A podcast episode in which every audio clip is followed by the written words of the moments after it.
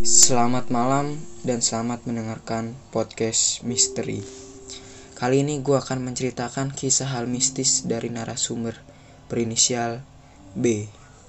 Dan sebelum gue memulai ceritanya, jangan lupa pasang headset, tutup pintu, matikan lampu, dan berhati-hatilah. Dan kalian bisa mendengarkan podcast ini juga di YouTube channel gua yang bernama Awe Awe Channel. Awal mula cerita. Cerita ini terjadi sekitar 10 tahun yang lalu. Pada hari itu si B pergi nongkrong bareng teman-temannya di suatu kafe. Pada saat itu keanehan pun belum terjadi. Dia masih ketawa bareng sama teman-temannya. Akhirnya nggak terasa. Sudah jam 11 malam karena pada saat itu masih sepi sekitar tahun 2010. Si B pamit kepada teman-temannya karena pada waktu itu masih marak-maraknya zaman pembegalan dan pencurian.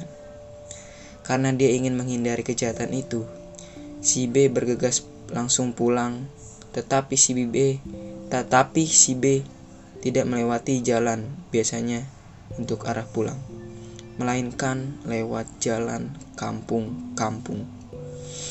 Si B sambil mengendarai motor dan mendengarkan musik. Karena si B saking menikmati perjalanannya, si B nggak sadar kalau dia melewati sebuah tempat pemakaman umum. Di sini gue nggak mau ngasih tahu nama daerahnya, karena gue menjaga nama baik daerah itu sendiri. Keanehan pun terjadi. Tiba-tiba si B merasakan ada yang melempar batu dari arah belakang.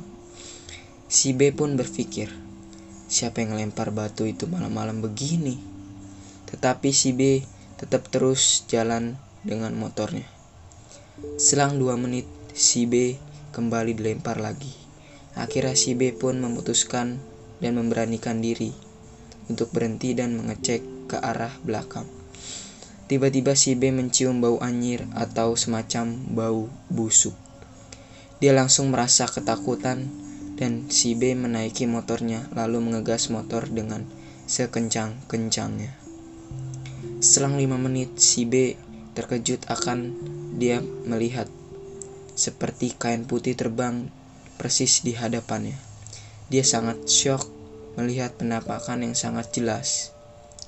Si B langsung berhenti dan duduk terdiam karena si B masih nggak percaya dengan kejadian yang ia lihat barusan tadi. Dan keesokan paginya, si B seperti orang bingung dan selalu gelisah dan seperti orang ketakutan. Dan ini cerita gua malam ini yang berjudul Pulang Malam. Dan kalian bisa dukung podcast ini podcast ini dengan cara share ke teman-teman, keluarga, pacar, atau sahabat.